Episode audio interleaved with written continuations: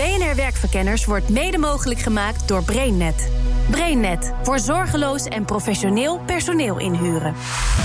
BNR Nieuwsradio. BNR Werkverkenners. Zo, de verkiezingen zijn achter de rug, gelukkig maar. VVD, CDA en D66 zoeken nog een huwelijkspartner... en dan moeten de partijen het eens gaan worden over een regeerakkoord. Werk is traditioneel een belangrijk thema... maar komt het deze formatie ook naar boven? Nou, we doen alvast een suggestie in BNR Werkverkenners. Want Nederland telt tegenwoordig 1,7 miljoen mensen die flexibel werken. 1,3 miljoen zijn daarvan ZZP'er. En die worden gezien als ondernemers. Dus ze moeten alles qua sociaal stelsel ook zelf regelen. Een buffer als je werkloos bent, een verzekering als je niet kan werken... en ook een aanvulling op je AOW als je oud bent. Maar dat regelt lang niet iedereen. Wordt het niet tijd voor een sociaal mini-stelsel voor alle werkenden? BNR Werkverkenners. Met Rens de Jong. De eerste die mij met mijn onderzoek helpt is ZZP-expert Pierre Spanings. Verzekert hij zich tegen mogelijke gevaren? Ik heb ooit, toen ik begon, de fout gemaakt om een arbeidsongeschiktheidsverzekering af te sluiten. Dat heeft me bakkenvol met geld gekost. En ik heb er goddank nooit een beroep op hoeven doen. En de kosten liepen behoorlijk op. Toen ik 50 werd, verdubbelde van de ene dag op de andere de premie. Van 250 naar 500 euro.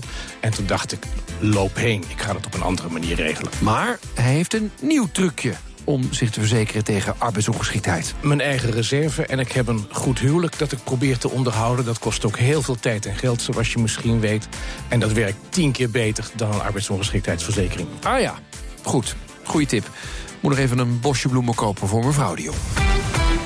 Ik zoek vandaag uit of er een mini-sociaal stelsel moet komen voor al de werkenden. Vooral omdat er zo weinig ZZP'ers verzekerd zijn. Volgens Pierre is er een verkeerd beeld over onverzekerde ZZP'ers. Als we het hebben over er zijn weinig ZZP'ers verzekerd, dan bedoelen we letterlijk genomen dat er weinig ZZP'ers, ongeveer 20% maar een arbeidsongeschiktheidsverzekering kopen van een verzekeringsmaatschappij. Maar wie zegt, wie bepaalt dat dat de enige manier is om het risico op arbeidsongeschiktheid en de financiële terugval die je daardoor kunt krijgen te ondervangen. Daar zijn ook andere manieren voor. Van die 80 procent, hoeveel procent steekt dan de kop in het zand en denkt het zal mij wel niet overkomen? En hoeveel procent heeft er echt over nagedacht? Dat is heel moeilijk te zeggen, zoals bijna elke vraag die je over ZZP'ers stelt als je feiten en cijfers wilt weten. Er loopt een heel hoog oplopende discussie over sociale zekerheid voor ZZP'ers. In de SER wordt nu weer een akkoord voorbereid tussen werkgevers en werknemers over die sociale zekerheid. Maar er is niemand die ooit gevraagd heeft. Wie zijn die ZZP'ers eigenlijk waar we het over hebben? Wat hebben ze nodig om te komen waar ze willen zijn? En wat missen ze nog en waar kunnen we ze eventueel bij helpen? Er wordt geredeneerd over ZZP'ers over sociale zekerheid op basis van flinterdunne aannames. Verder met mijn onderzoek. En ik krijg extra hulp. Ik ben Mies Westerveld. Ik ben hoogleraar sociale zekerheidsrecht aan de Universiteit van Amsterdam. En ik ben ook hoogleraar sociale rechtshulp, ook aan de universiteit. Stel, je bent niet verzekerd als ZZP'er... en je hebt absoluut geen middelen om op terug te vallen. Een partner of spaargeld. Wat gebeurt er dan als je volledig arbeidsongeschikt wordt? Als je echt arbeidsongeschikt wordt. je krijgt, uh, uh, nou, er wordt, je wordt gediagnosticeerd met uh, MS of zo. Ja, dan wordt het op een zeker moment gewoon bijstand. En dan moet je dus je eigen huis opeten. En je eigen huis opeten is is betekent dat er een krediethypotheek komt en dat op een gegeven moment uh, de, de sociale dienst je huis gaat verkopen. Je koophuis gaat verkopen. Kijk, en dan hebben we in Nederland wel weer het vangnet dat je ze ergens voor jou een huurwoning weten te vinden. Maar uh, zeker als je jong bent, uh, is er dus weinig perspectief op, op verbetering en op ja, dat, je, dat, je, dat je levensstandaard nog een beetje gegarandeerd is zoals je dat had. En wat is de bijstand eigenlijk tegenwoordig per maand? Per maand, uh, als je alleenstaande bent, uit mijn hoofd gezegd iets van 800 euro. Netto? Ja. Daar kom je niet heel makkelijk van rond. Daar, dat is uh, geen vetpot. En dan moet ik mijn huur ook nog van betalen. Ja, ja. En, en met name als je lang in de bijstand blijft, he, de, de, dan, dan zijn dat vaak ook, uh, ja, dat zijn ook de, vaak de problematische schuldenklantjes. Ja, er is maar weinig bekend over volledig arbeidsongeschikte ZZP'ers. En dat maakt het lastig om de kosten voor de Nederlandse samenleving uit te rekenen. Zo vertelt Koen Caminada met een fantastische titel: Hoogleraar empirische analyse van de sociale fiscale regelgeving aan de Universiteit Leiden. Nou, de kans dat iemand arbeidsongeschiktheid uh, oploopt is niet zo groot en dan ook nog in grote mate. En dan moet er dus geen inkomen en vermogen bij de partner zijn, wil pas tot een budgetair of een, een overheidsuitgave leiden. Dus vandaar dat het allemaal lastig uit te rekenen is. Wat kun je vertellen over de kans op arbeidsongeschiktheid? Ik geloof dat we, het ligt denk ik onder de 10% van de mensen die een arbeidsongeschiktheidsuitkering hebben. Misschien is het toch wel lager. Maar dat zijn natuurlijk vaak gedeelde uitkeringen. Hè? Dus een uitkering die aanvult. Want mensen zijn maar zelden of nooit in één keer 100% arbeidsongeschiktheid. Het is vaak een gedeelte van de gederfde inkomsten. En dan heb je gewoon een lager inkomen. Hè? Dus het is, het is ook vaak maar een percentage dat alle arbeidsongeschikt wordt, uh, wordt verklaard. En de rest kun je dan gewoon uh, ja, proberen bij te verdienen of, of, of, ander werk te aanvaarden. Koen Cabinada maakt zich meer zorgen over het pensioengat van ZZP'ers. Nou, dat, de omvang van die groep is vrij groot. Hè. Er zijn ongeveer een miljoen ZZP'ers. En uh, wij hebben dat met Leids onderzoek vrij recent nog eens, eens bekeken. Als je dan kijkt hoeveel zij opbouwen en, en zeg maar opzij zetten voor, voor latere dag dan weten we dat ongeveer zo'n 40% van de zelfstandigen um, niet um, aan de norm voldoet die in Nederland heel veel wordt toegepast. Dat je ongeveer 70% van je, van je inkomen hè, beschikbaar hebt als je met pensioen bent.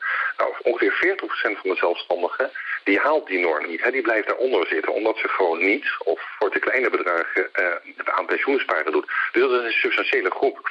Nou, als men dat allemaal heel, heel goed doordenkt en dat ook accepteert, dan is dat niet zo'n probleem. Maar dat is natuurlijk maar de vraag. Ik denk dat veel mensen, als ze later met pensioen gaan... en ja, dat ze gewoon een, een, een teleurstellende uh, inkomenspositie hebben. Ja, en dat is toch wel reden om daar goed over na te denken... of ze niet wat meer opzij moeten zetten. En dat moeten kan dan zijn via een verplichte regeling... of daar meer toe gestimuleerd worden. In ieder geval ook meer, veel meer inzicht krijgen in hun eigen pensioensituatie... Dus dat is wel, ja, dat is wel iets om, om goed naar te kijken. En dat pensioengat wordt door meerdere mensen als een probleem gezien. Eerder deze week uitte Thierry Helmers, voorzitter van ZZP Nederland... en Joker van der Ven van Brief op Bestelling...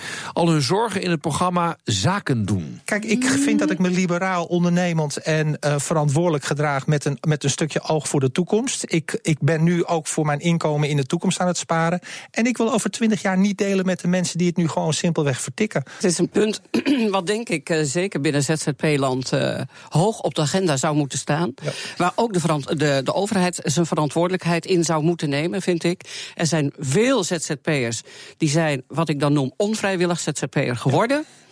Uh, die vinden het te duur en die komen er straks achter, want nu lijkt het alsof ze een leuk inkomen hebben, en ze ja. komen er straks achter dat ze eigenlijk niks hebben opgebouwd. Precies. Daar zouden diezelfde belastingdienst, die zo dapper was om ZZP'er in het leven te roepen, zou nu zo dapper moeten zijn om te zorgen dat ze ook pensioenvoorzieningen voor ZZP'ers in het leven heer, heer. Maar, ja, hebben ze... maar wat is nou die oplossing voor die onverzekerde ZZP'ers? Pierre Spanix, terug naar jou. Ik denk dat we kijken naar hoe de arbeidsmarkt zich ontwikkelt, behoefte hebben aan een sociaal stelsel dat zekerheid geeft voor alle Nederlanders en in elk geval voor alle werkende Nederlanders.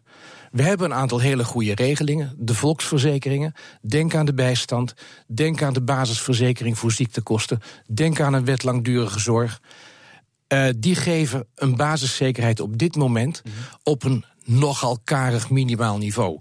Ik zou me heel goed kunnen voorstellen dat je en de premies en de uitkeringen uit die volksverzekeringen, dat je die allebei verhoogt en dat je iedereen die werkt in Nederland daarvan laat profiteren en daaraan bij laat dragen. Maar dan moet dus iedereen die werkt gewoon uh, gaan afdragen. Dat is eigenlijk wat je zegt. Ja, dat is wat ik zeg. Ja, volksverzekeringen ja. gewoon afdragen. Uh, ja. Ik betaal het nu als werkgever, maar dat moet ik als ik ZZP'er ben, moet ik dat ook gaan doen. Ja, dat gaan we dan via de belastingen regelen. Ja. Klopt. Is dat, waarom is dat een goed idee?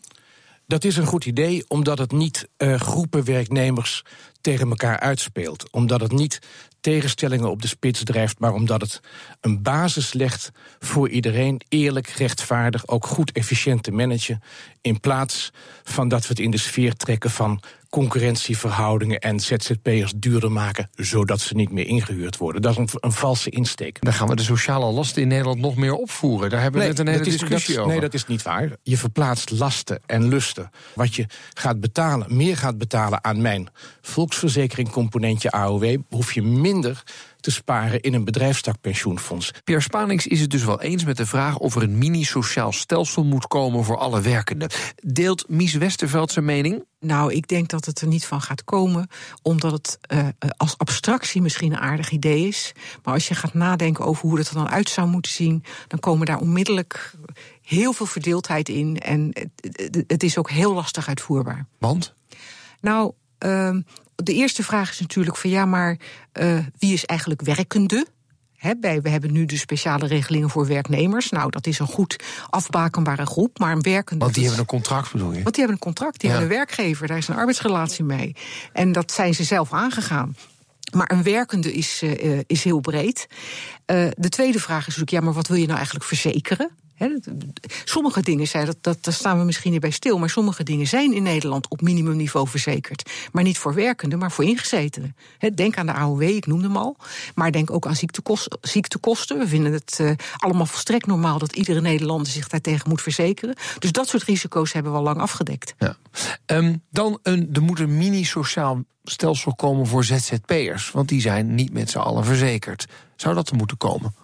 Nou ja, alweer, als je het hebt over een ministelsel, dan heb je het dus eigenlijk over iets waar iedereen aan mee moet doen.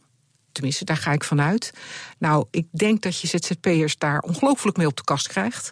Want die, hebben, die zijn redelijk wars van, uh, van overheidsbetutteling. En als er iets is wat sociale zekerheid en geschiedenis van sociale zekerheid ons wel geleerd heeft, dat is dat je zo'n zoiets groots, dat gaat alleen maar lukken als daar draagvlak voor is. Mm -hmm. Dus je moet wel zorgen dat mensen uh, het nut en de noodzaak inzien van wat je met elkaar gaat organiseren. Ja, dan misschien nog een stapje kleiner. Zou er een verplichte arbeidsongeschiktheidsverzekering voor ZZP'ers moeten komen? Nou, daar voel ik wel voor. En dat is ook iets waarvan ik denk, als je dat slim.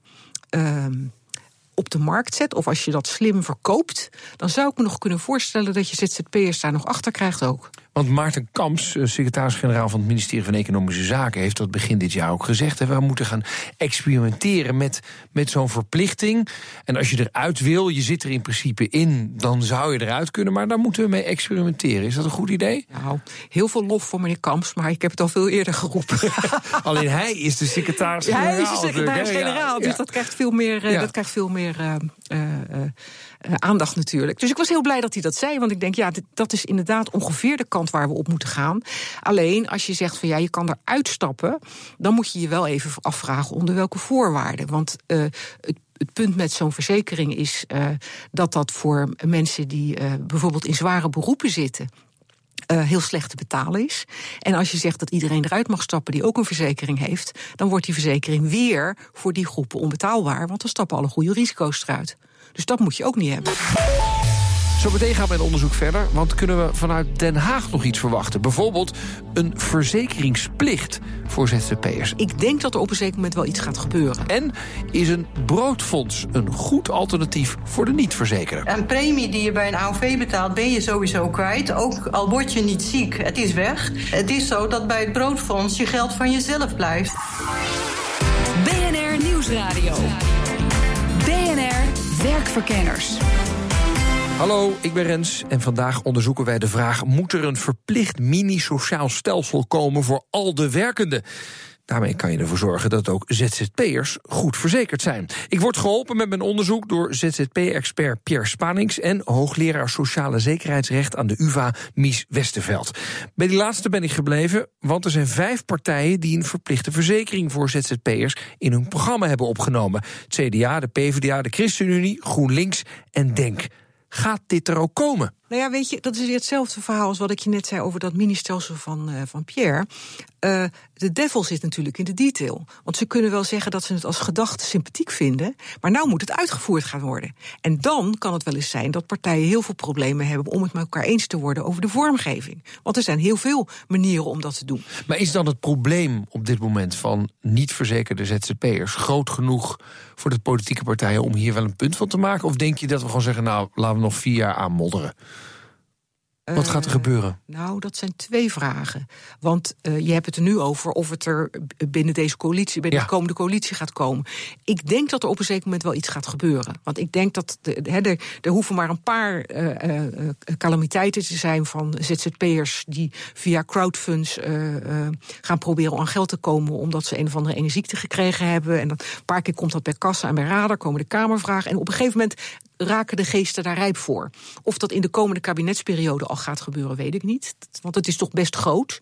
Maar ik denk wel dat het langzamerhand dat daar de geesten wel weer wat rijp voor gaan worden. Pierre Spanings, welke rol gaat dit spelen in de formatie? Dat gaat in de formatie langskomen, maar op een heel beperkte manier. Namelijk alleen in de vorm van arbeidsongeschiktheidsverzekering en misschien pensioenen. Want uh, ik zie wel dat heel veel partijen in hun verkiezingsprogramma hebben: het CDA, de PvdA, GroenLinks, de ChristenUnie en Denk. Dus hier, hier, moet hard over onderhandeld worden. Uh, het gekke is dat het uh, wel in de, in de verkiezingsprogramma's aan de orde komt, maar dat debatten er helemaal niet over gaan. En waarom gaat het er niet over, denk je? Ik denk dat het uh, te ingewikkeld is en dat er hoop is dat er een dat het binnenskamers makkelijker op te lossen is dan in een publiek debat. Ja, aan de andere kant, um, die ZZP'ers, daar is voor een groot gedeelte niet iets geregeld wat wij kunnen waarnemen. Ik snap wel dat die partijen zeggen: jongens, daar moeten we wel wat mee doen. Want als die ZZP'ers in, laten we zeggen, uh, arbeidsongeschikt worden, dan wordt het toch een probleem van de maatschappij. Ik snap het ook dat die partijen zich daar druk over maken, maar het is vaak niet omdat ze zich oprecht zorgen maken over de sociale kwetsbaarheid van ZZP'ers. Mm -hmm. Maar omdat ze hopen om ZZP'ers duurder te maken door hen allerlei verplichtingen op te leggen en daarvoor te laten dokken. Maar is het ook niet een beetje redelijk? Ik, ik ken heel wat ZZP'ers die geen verzekering hebben en ook niks geregeld hebben. Zij zijn de facto goedkoper dan iemand waar het of een vaste baan heeft en het dus uh, uh, sowieso geregeld is, of iemand die het wel heeft geregeld. Kortom, ze spelen een beetje met het idee, nou ja, het zal mij niet overkomen. En dat laten ze doorrekenen in de prijs. Twee dingen. A, van die individuele mensen, zeg het alsjeblieft tegen ze, is dat verrekte stom. Als je ervoor kiest om ZZP'er te worden, dat betekent een bepaalde levensstijl die risico's met zich meebrengt. En die moet je op de een of andere manier managen. Maar uh, er zijn uh, heel veel ZZP'ers die uh, wel wat doen om die risico's te beheersen en dat ook in hun tarief doorberekenen. Als we merken dat maar 20% het verzekert via een verzekeraar. En laten we zeggen, maar dat weten we niet. De helft op een of andere manier een opvangnet heeft gecreëerd. Hm. Ik denk dat het hoog is wat ik nu bedenk. Ja, iets in die orde van Nou, laten we zeggen. Ja. Dat betekent dus dat er nog 40% van de ZZP'ers rondloopt. Als die uh, half onder de tram komen, dat er gewoon een groot probleem ontstaat. Ja, dat is dus En daar moet je toch zo. mensen tegen beschermen, paternalistische overheid? Nou, daar moet je mensen tegen beschermen voor zover ze helemaal van dat ZZP-inkomen afhankelijk zijn. En niks anders hebben dan dat. Maar als je terugrekent van de 1, zoveel miljoen ZZP'ers die er op het ogenblik zijn, dan blijft er maar een groep over van minder dan 500.000 die echt volledig afhankelijk zijn van het ZZP-inkomen. En het zou best wel eens kunnen zijn dat heel veel van die ZZP'ers waar we ons zorgen over maken, mensen zijn die of maar heel kort ZZP'en in de loop van hun leven, of die er andere inkomstenbronnen naast hebben. Ja. En dus moeten we hier niet aan gaan beginnen? Want dit gaat wel in de formatie besproken worden. Nou, we moeten volgens mij niet op basis van terechte zorg over een kleine groep een algemene regeling maken die, voor, die neerkomt voor oprechte ZZP'ers op een ZZP-boete op dubbele lasten. Dan naar Mies Westerveld. Als ik haar vraag of zo'n maatregel te paternalistisch is, zegt ze. Ja. Maar als ik vraag of het slecht is, zegt ze. Nee. Waarom is dat niet slecht? Sociale zekerheid is altijd een mengvorm van paternalisme en eigenbelang. Want een van de redenen waarom je als architect van sociale zekerheid paternalistisch bent, is omdat je weet. Als ik er niks aan doe, komen die mensen op een gegeven moment toch op mijn, uh, uh, aan mijn deur terecht. En dan, dan zullen we er ook iets mee moeten. Mm -hmm. We willen ook niet een samenleving waarin uh, allerlei mensen volstrekt onbeschermd rondlopen. En ja, eigenlijk in de bijstand vervallen als er maar iets gebeurt. Dan is het huis ook weer te klein. Maar um, Pierre Spaning zegt. Nou ja, de maatschappelijke kosten van iemand uh, die arbeidsongeschikt is geraakt, is niet zo heel groot. Want ja, die komen allemaal in de bijstand terecht en dat hebben we toch al. En vaak hebben die ZZP'ers toch veel, zoveel verdiend dat het nog wel even duurt voordat ze in de bijstand terechtkomen. Ja, ik verzet me tegen die ZZP'ers die zoveel verdiend hebben. Als je nou denkt aan de mensen voor wie. Er zijn eigenlijk twee groepen, zou je kunnen zeggen. voor wie zo'n arbeidsongeschiktheidsverzekering uh, echt heel belangrijk is. De ene zijn, en dat zijn, dat zijn alle ZZP'ers. En dat is tegen ongelukken die ons allemaal kunnen overkomen. Hè, de, de enge ziektes en zo, we kennen alle voorbeelden van. Uh, maar de andere, dat zijn de, de, ongelukken die je kan krijgen. En nou zie je dus dat er bepaalde bedrijfstakken zijn waar meer ongelukken gebeuren. Dat zijn de wat onveilige bedrijfstakken. En dat zijn nou net de bedrijfstakken waar die verzekeringen heel slecht te koop zijn, omdat de markt daar niet aan wil. Geef eens voorbeelden van bedrijven. Nou, bijvoorbeeld in de bouw, daar zijn die verzekeringen. Ik heb eens een keer een, een staffel gezien van premies in de verschillende beroepsgroepen. Ja, dat is in de bouw vele malen hoger dan in de consultancy, om er maar eens twee te noemen. Terwijl daar nou net de ZZP'ers werken die minder verdienen. En is dat dan ook de reden dat je iedereen zou moeten verplichten, omdat er dan wel uh, bijvoorbeeld een markt wordt gecreëerd? Nou, er wordt niet, je, je, grijpt eigenlijk in in de markt. Hè? Want je zegt, ik ga zorgen dat die premies niet per bedrijf straks zo ongelooflijk verschillen. Of, daar zou je ook aan kunnen denken, waarom moeten de werkenden dat helemaal in hun uppie betalen? Bij werknemers betalen werkgevers mee. Dus mhm. ik kan me ook voorstellen dat je zegt, nou laat het bedrijfsleven voor een deel meebetalen aan die verzekering zodat het voor die werkenden ook wat beter betaalbaar wordt hoe kunnen werkgevers nou meebetalen aan zoiets? Want ik huur toch een ZZP'er in en dan ben ik toch klaar? Of moet ik daar dan een, een soort bedrag overheen gaan betalen? Of komt er een tweede factuur? Nou ja, kijk, dus, dat is een het is een beetje technisch, hè, maar je kan je voorstellen als je zegt uh, alle ZZP'ers, en ook, ik denk ook niet alle, want uh, je hebt ook ZZP'ers die maar, weet ik veel, 15 of 20 uur werken en daarnaast ook een baan hebben. Maar zeg bijvoorbeeld, je pakt de ZZP'ers die ook uh, de zelfstandige aftrek claimen. Nou, die geven zelf al aan dat ze brood-ZZP'er zijn. Nou, die zijn allemaal verplicht zo'n verzekering af te sluiten. Dat wordt ook geregistreerd. Dan kijk je van in welke bedrijfstakken werken die. En dan ga je bijvoorbeeld uh, de grote werkgevers in die bedrijfstak voor een x-bedrag uh, aanslaan om in die pot te storten. Vinden die werkgevers dat niet oneerlijk? Nou, dat weet ik niet. Want ze kunnen wel tegen die ZZP'er zeggen: van joh, er is nu een verzekering voor jou, dus ik kan je ook wat goedkoper inhuren. Want, want, de gedachte erachter is dat ZZP'ers even duur zouden zijn als werknemers, omdat ze zelf die verzekering moeten afsluiten. Dat doen ze niet. Dus ze worden goedkoper dan werknemers. En dus concurreren ze op hun eigen veiligheid. Ja. En dat vind ik dus ook heel onwenselijk. ZZP'ers die geen arbeidsongeschiktheidsverzekering willen afsluiten, kunnen de risico's ook indekken. Met bijvoorbeeld een broodfonds. Hallo, ik ben Biba Schoenmaker, een van de drie oprichters van de Broodfondsmakers. En zij vertelt me hoe zo'n broodfonds dan werkt. Met minimaal 20 en maximaal 50 ondernemers uh, zet je een broodfonds uh, op. Um, iedereen uh, van die deelnemers heeft een eigen broodfondsrekening. Iedereen doet dat dus. Dus op al die rekeningen wordt maandelijks gestort en daar bouwt zich bedragen op. Wordt er dan een van de deelnemers ziek, dan ontvang je van die rekeningen allemaal maandelijks een kleine schenking. En al die schenkingen, als het 40 leden zijn, dan krijg je dus 40 kleine schenkingen. En dat kan dus zijn uh, een bedrag uh, van 1000 euro, of van 1500 of uh, 2500. Net naar gelang welk niveau je hebt gekozen waar je op je meedoet. Wil je de maximale uitkering, dan betaal je zo'n 112 euro in de maand dat is in veel gevallen een stuk goedkoper dan een AOV, zegt Biba. Mensen uh, ja, die uh, inderdaad bepaald uh, risicovol beroep uitoefenen, die betalen wel soms tot 500, 600 euro per maand aan premie. dat is bij Broodfonds natuurlijk niet. Je hoort al, het hoogste bedrag voor 2500 euro netto is 112 euro inleg per maand. Dus dat is ook veel lager. Daarnaast moet je, het zijn een beetje appels en peren om Broodfonds en een AOV-verzekering te vergelijken. Het is zo dat bij het broodfonds je geld van jezelf blijft. Bij een premie die je bij een AOV betaalt, ben je sowieso kwijt. Ook al word je niet ziek, het is weg. En bij het broodfonds is het zo, uh, als er uh, zieken zijn, dan uh, doe je maandelijks kleine schenkingen. Maar wat er staat, is van jou. Dus als je ook weggaat en er staat nog een bedrag op je rekening, dan neem je dat bedrag ook mee. Dus dat verdwijnt dan niet, zeg maar. In de meeste broodfondsen heb je ook een zogenoemd buddy-systeem van collega's die je advies geven als je arbeids ongeschikt wordt.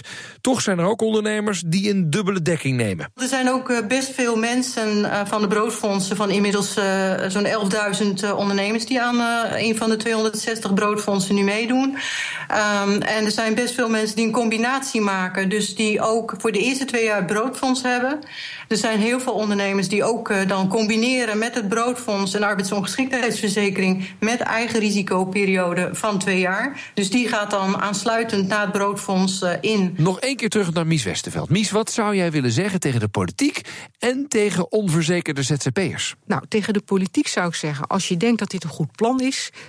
Uh, dat, dat, dat zoiets er zou moeten komen. Maak het concreet en probeer daar draagvlak voor te krijgen. Dus je zou echt in gesprek moeten met de verschillende organisaties. Inventariseren waarom mensen het wel en niet willen. Je zal altijd een, een groep tegenstanders hebben, daar, uh, daar ontkom je niet aan. He, want ik heb er ook een keer een column over geschreven. En uh, nou, daar kreeg ik ook reacties op. Ik maak het zelf uit. En tegen ZZP'ers die zich niet verzekeren. Dat hangt er dus maar net vanaf waarom ze dat niet doen. Kijk, als iemand zich niet verzekert omdat hij het niet kan betalen, dan heb ik, dan heb ik daar weinig tegen in te brengen. Ja, dat is. Dan kan ik alleen maar zeggen, ja, dat begrijp ik. En als hij het niet doet omdat hij zegt, ach, mij gebeurt het niet, dan denk ik, ja, dat, er zijn meer mensen die dat denken. Maar dat, je, je kan, zou ook raar op kunnen kijken. En in de praktijk, uit onderzoek is ook gebleken dat. Uh, dat arbeidsongeschiktheidsrisico iets is waar nogal wat ZZP'ers van wakker liggen. Van, oh jee, als mij wat gebeurt. Werkloosheid, daarvan zeggen ze allemaal van, uh, nou, daar ben, je, daar, daar ben je ondernemer voor. He, daarom zie ik dat ministelsel ook niet zo zitten. Laat, laat ze dat vooral zelf daar. Maar arbeidsongeschiktheid, de, de calamiteiten van het leven, ja, dat is toch iets waar, waar veel mensen stiekem van wakker liggen. BNR Werkverkenners. De conclusie. De zoektocht deze week was een antwoord op de vraag: wordt het niet tijd voor een mini-sociaal stelsel voor alle werkenden? Nou, een paar dingen kunnen we concluderen. Op basis van cijfers is de kans 1 op 10 dat je een kortere of langere tijd niet kunt werken door een ziekte. Niet iedere ZZP'er is zielig, want je hebt ook een partner of een spaarpotje. Een volledig mini-sociaal stelsel, dat zit er niet in. Want het is een veel te grote wijziging. Dat gaat de politiek zeker niet doen. Maar een verplichte verzekering tegen arbeidsongeschiktheid, dat zou best kunnen. Maar ook dat, is makkelijker gezegd dan uitgevoerd. We wensen de formerende partijen daarmee heel veel succes. Volgende week, antwoord op de volgende vraag: Moet solliciteren een verplicht vak worden op school? Wil je meer weten van deze uitzending? Kijk dan even op onze LinkedIn-pagina van BNR Werkverkenners. Of zoek ons op op iTunes. Tot de volgende keer. BNR Werkverkenners wordt mede mogelijk gemaakt door BrainNet. BrainNet voor zorgeloos en professioneel personeel inhuren.